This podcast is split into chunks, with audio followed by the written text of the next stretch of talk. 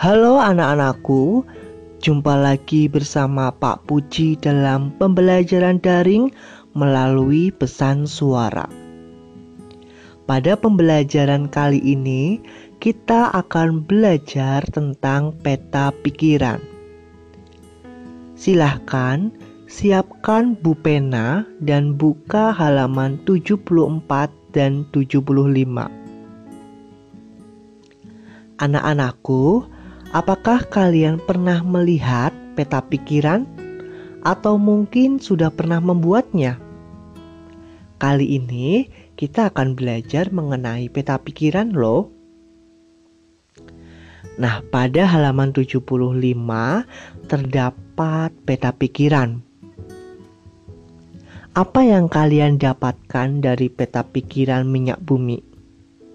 Informasi apa saja yang kalian temukan? Ya, pada peta pikiran minyak bumi, kita bisa menemukan asal minyak bumi, cara memperoleh minyak bumi, serta hasil dari olahan minyak bumi yang beragam. Informasi tentang minyak bumi ini disajikan dalam dua bentuk yang berbeda, ya. Paling atas itu berbentuk teks bacaan, dan di bawahnya berbentuk bagan. Bagan inilah yang disebut sebagai peta pikiran. Peta pikiran merupakan suatu bentuk ringkasan ya atau informasi penting yang disajikan dalam bentuk gambar atau bagan. Ada hal-hal penting, hal-hal menarik yang ada pada peta pikiran. Sangat ringkas. Kita bisa menemukan banyak hal namun lebih rinci ya, lebih ringkas sehingga kita bisa menemukannya dengan cepat, dengan mudah. Nah, peta pikiran dibuat berdasarkan teks bacaan. Bagaimana cara membuatnya? Untuk membuat peta pikiran, kita harus menemukan topiknya, tema dari teks bacaan itu. Misal tentang minyak bumi, tentang keberagaman. Ya, kita sesuaikan dengan teks bacaan. Topik bisa kita ambil dari judul teks bacaan itu. Bila tidak ada judulnya, coba kalian temukan kata-kata apa yang sering diulang pada teks bacaan itu. Nah, kemungkinan besar kata-kata yang sering diulang ini menjadi topiknya. Topik nanti kita tulis paling tengah ya pada peta pikiran. Kemudian kalian garis bawahi kata-kata penting yang ada pada teks bacaan.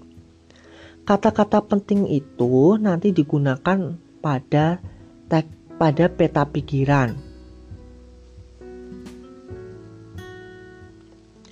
Nah, dalam membuat peta pikiran ya, bagan-bagan itu tidak harus dibuat dalam bentuk kotak. Tapi kalian bisa ganti dengan bentuk-bentuk yang lain. Misalnya lingkaran, persegi panjang ya segitiga atau bentuk lucu yang lain seperti awan ya atau yang lain.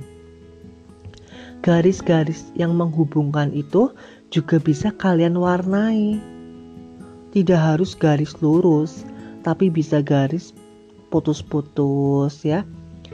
Dengan kreativitas kalian sendiri. Nah, Tugas kalian hari ini yaitu membuat peta pikiran pada teks bacaan halaman 75. Silakan kerjakan, ayo berlatih. Buatlah peta pikiran berdasarkan teks bacaan.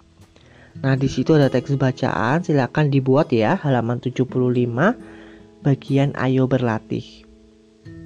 Dibuat peta pikiran dan kalian bisa mencari peta pikiran di internet ya untuk memudahkan kalian dalam membuat peta pikiran. Di internet ada banyak contoh peta pikiran ya, bentuknya lucu-lucu, kreatif ya, berwarna-warni. Nah, silahkan kalian uh, contoh yang ada di internet dan semoga bisa menginspirasi kalian dalam membuat peta pikiran.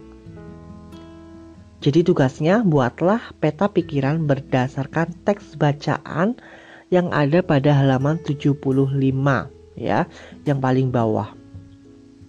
Ingat, peta pikiran itu informasi penting atau ringkasan yang disajikan dalam bentuk bagan ya. Demikian informasi dari Pak Puji. Bila kalian masih bingung, silakan tanya Pak Puji ya. Demikian, sampai jumpa lagi.